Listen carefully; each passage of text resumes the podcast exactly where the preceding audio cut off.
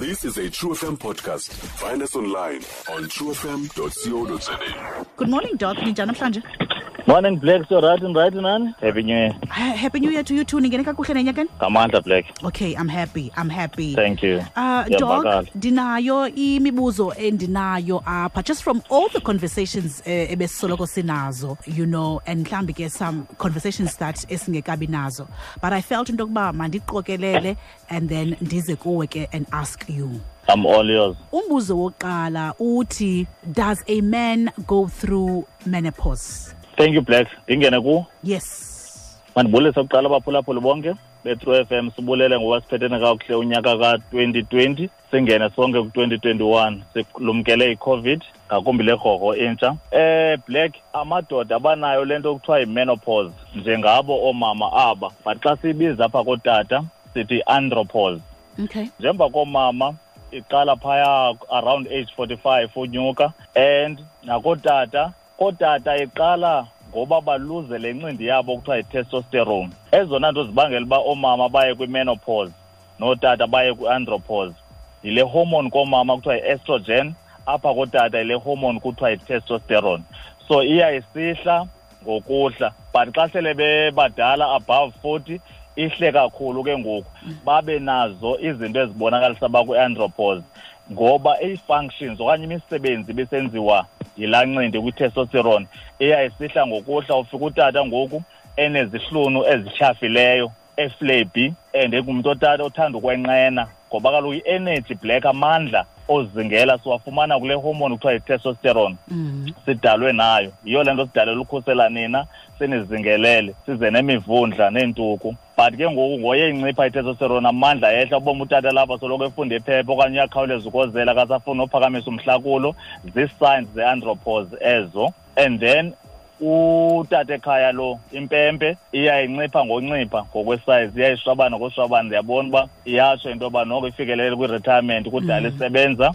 So utata makangothuki xa bona noko impempe iyayisihla ngokwesayizi athi hayi yayingekho ngako impempe yam iyayisihla kodwa noko ayishwabani ide iphele. Namatyhalarha la aya encipha nawo ngokwesayizi noko ayabonakala into yoba onkabi kudala besebenza ngoku basondela ekuyekeni ukukhiqiza. Yiyo nomthamo wetestosterone ungasekho ngako. Nantso i-andropos then kootata as much ezingaxhaphakanga kangangokomama amathambo la abankumkum kube lula ukophuka ngoye utata esiba mdala ngenxa yale nto sithi i-demineralization yamathambo ufumanisa amathambo akrobokrobho ngenxa yokuba i-testosterone incinci Mm. abe nalo nochuku ke black umuntu ongutata abe highly irritable abe nochuku kakhulu ngenxa ye-shortage ye-testosterone ehamba ne-age yilaa nto kuthiwa yi-andropause ke leyo banako nophunxukana neenwele ezithile Okay. Mm. Iyavakala doc. And also, utumbuzo, how often should a woman get a pelvic exam okanye a pap test? i-pap test Yeah, each of the question. okay I think about pap smear is that? pap smear yeah for sure Okay. Eh umuntu ongumama kufanelekile black into yoba abe kanti uyenza i-routine yinto esiqhelo the more sexually active ayazi uba ngonyaka noko uyayenza i-check up le kuthiwa yi-pap smear ukuthatha incindi yesibeleko ukujonga into yoba akho cells ziabnormal na so ndingathi ke once every year then amatyeli alandelayo uba uzawuphinda uthethe xa kutheni na uzawuxelelwa ngugqirha okanye ngunesi lo ukunika ii-results based on ii-results zakho ifrequency elandelayo ixhomekeka kwii-results.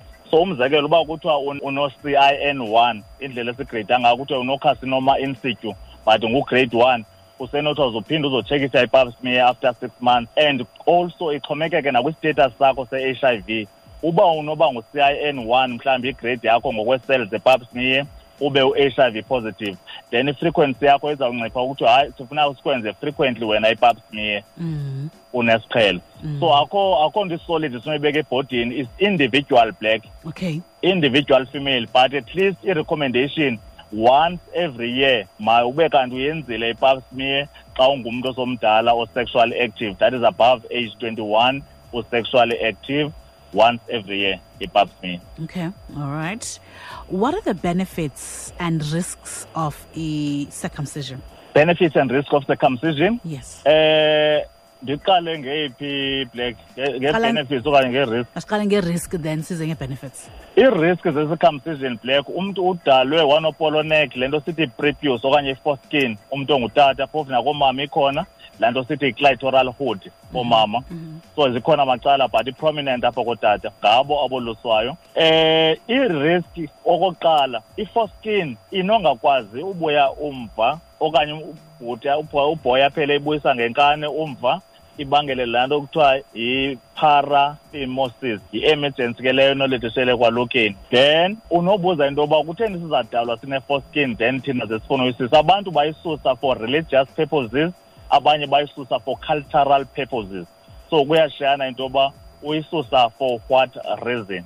But ke ngoku scientifically sirekhomenda into yoba isuse because ikhona izinto ezibonakala uba iyawuredyusa okanye iyawunciphisa umngcipheko ohambiselana nge-HIV so i-risk ke ye-circumcision uyipain okokuqala ubuhlungu ukoluka. Noba woluka traditionally noba woluka medically. But ke ngoku kweli cala lethu le-medical circumcision uhlatywa inaliti apha kwi-base yempempe le so that kungabi buhlungu kwenziwa laa nto kuthiwa yi-local anesthetic so that ibe ndindishola impempe le then kususwe ke ngoku i-foreskin eh i-risk ke kukopha that is bleeding. I-bleeding ke ikho macala omabini nakweyiphi nentlobo ye-circumcision ukhona umngcipheko wento yoba ungopha. Kungoko kubalulekile into yoba ube kanti uyatshekitshwa phambi koba woluke into yoba awunazi-bleeding disorders na? I- imikhwa yokupha and awukho kwi-drugs okanye kwi-medication eyophisayo na? Into ezinjenge-warfarin. Because ungapha into engaphiliyo kanti khange utshekitshwe okanye udisclose into yoba utya amachiza athile abangela uba igazi linganqumi then into elandelayo yilaa nto sithi i-secondary infection. Usenoba ne-infection okanye uhlaselo lweentsholongwane ezithile apha empempeni.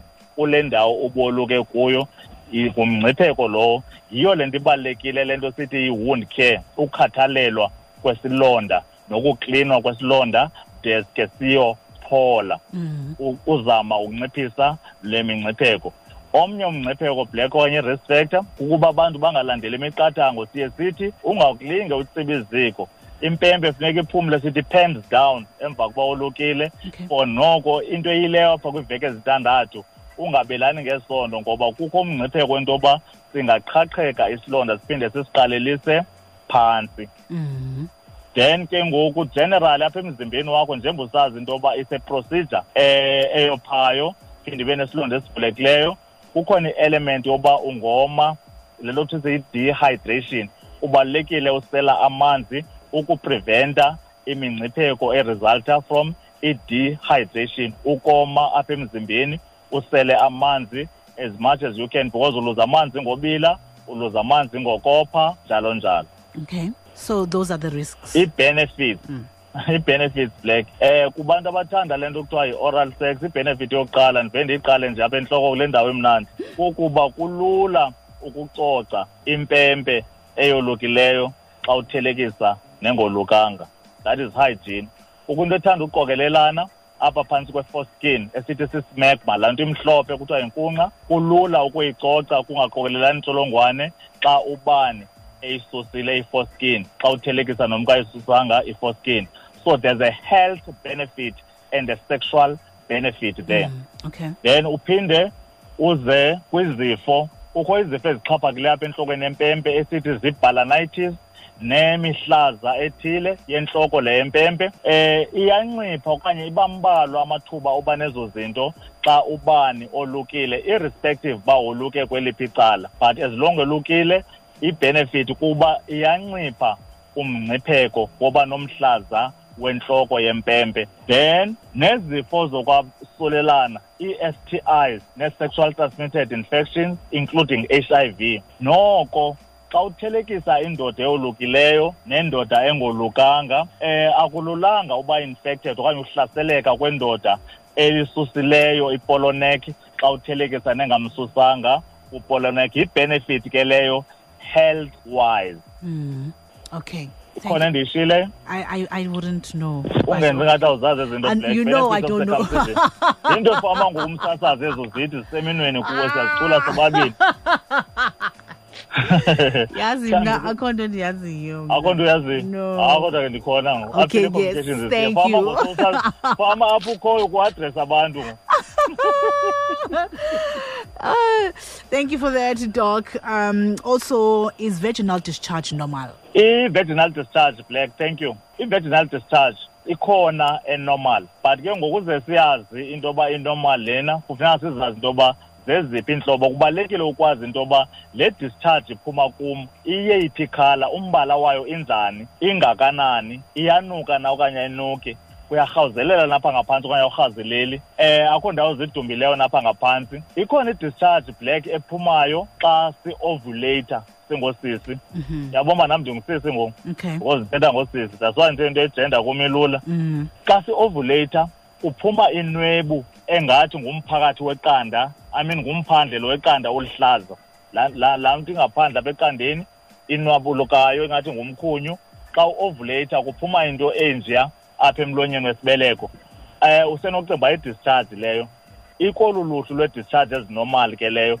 Naxa ulambile black sowuzawudibana neqabane lakho. That is u-aroused. Ikhona incindi ephumayo phana. Ibusondela ngokufana kule ncindi iphuma xa u-ovulator kukhona ii-secretions eziphumayo phaa zinoba nale ncindi inwabulukayo ifana nale zinormal ke zizinto zilindelekile. Xa ugqiba ukumenstruator kunoba khona intwana yegazi phaa ezophela lijika libe brown.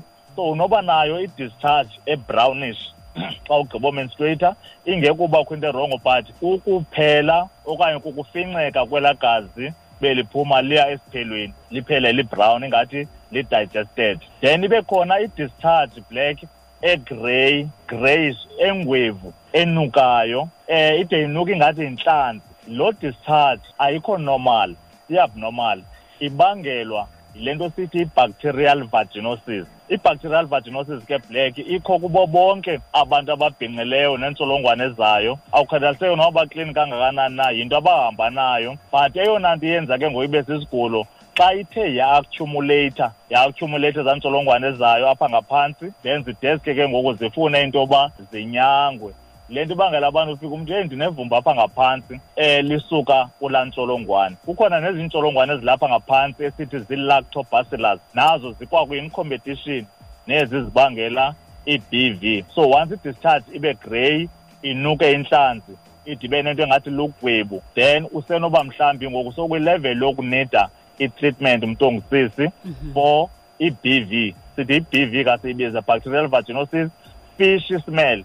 Ungaliconfuse nelivumba linormal legusheshe. Xa usobomba hayi eli vumba ingathi licacele ngonoba sekhona nalaa b v bekuthethwa ngayo ku-true f m ugqirha okanye unesi uzawukwazi ukucacisela feda kubekho ke ngoku i-discharge eyelo i-discharge eyelo yingxube vange yeentsholongwane esithi ziklamidia negonoria eh yile inobangelwa ke yona zinto sithi zi-STIs sexual transmitted infections i-infecte isibeleko iphinde i-infecte nee-tubes ezi zesibeleko. Ifuna ke ngoku i-treatment leyo into and inida i-attention ecacileyo kadokotela. Kulula kunyanga ezinto phinde kubekho enye i-discharge emhlophe engathi ingqaka yamasi okanye ingathi yi-cheese leyo nibangelwa le nto sithi yeast infection okanye uba ufuna ukhumsha uthi candida albicans. Yintsholongwane ebangela i-yeast infection leyo. Yenza umphokoqo ophuma apha ngaphantsi okanye into engathi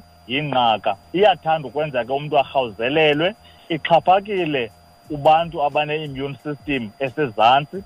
That's why sinqanda abantu into mabayeke ukutya i-prednisone because i-prednisone is an immunosuppressant iyayitshonisa i-immune system yitye ngokuyinikwa ngugqirha and for ixesha elugqirha kunike ngalo. Otherwise wabona uvela itrash ubone uvela amanqagqirha ubone uvela netrust nalapha emlonyeni naphaa ngasezantsi phela urhawuzelelo. Inyangeka kalula ke nayo i-yeast infection.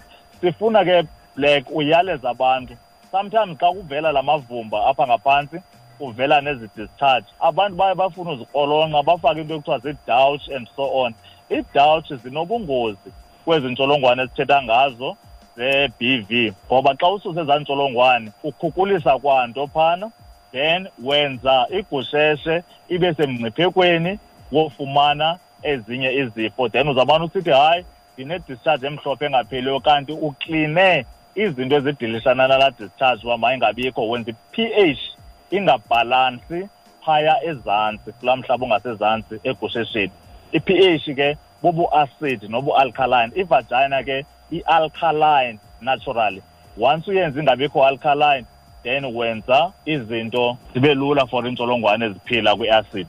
Okay. So zikhona ii-discharge ezinormal zikhona ii-discharge ezi-abnormal. Ezi-abnormal ndizichaphazele ujonga ikhala umbala wayo njani iphuma kangakanani iyanuka na okanye ayinuki uyarhawuzelela okanye awurhawuzeleli apha ngaphantsi ubuhlungu na okanye akubuhlungwanga apha emazantsi esisu. Ikakhulu ngomxelela nje ugqirha okanye unesi by your mouth uyakwazi into yoba xele into yoba yintlobo ethile leyo discharge. And nakwi-treatment ke ngoku le kuthiwa yi-syndromic treatment. Sizitreatha as zixubene ezi ntsholongwane eziphana depending on the type of discharge. So ukudescribe kwakho accurately kuyancedisa kakhulu. Alright doc ngenxa yexesha masibambe kanye apho. I do have uh, eminye imibuzo but ndifuna siqhubekeke nayo next week no problem black thank you so much. I'm all yours. Alright thank you so much doc. Sincokola naye udr tebelele. Stream True FM online on truefm.co.za. sikho yonke indawo ngalo lonke ixesha like no one else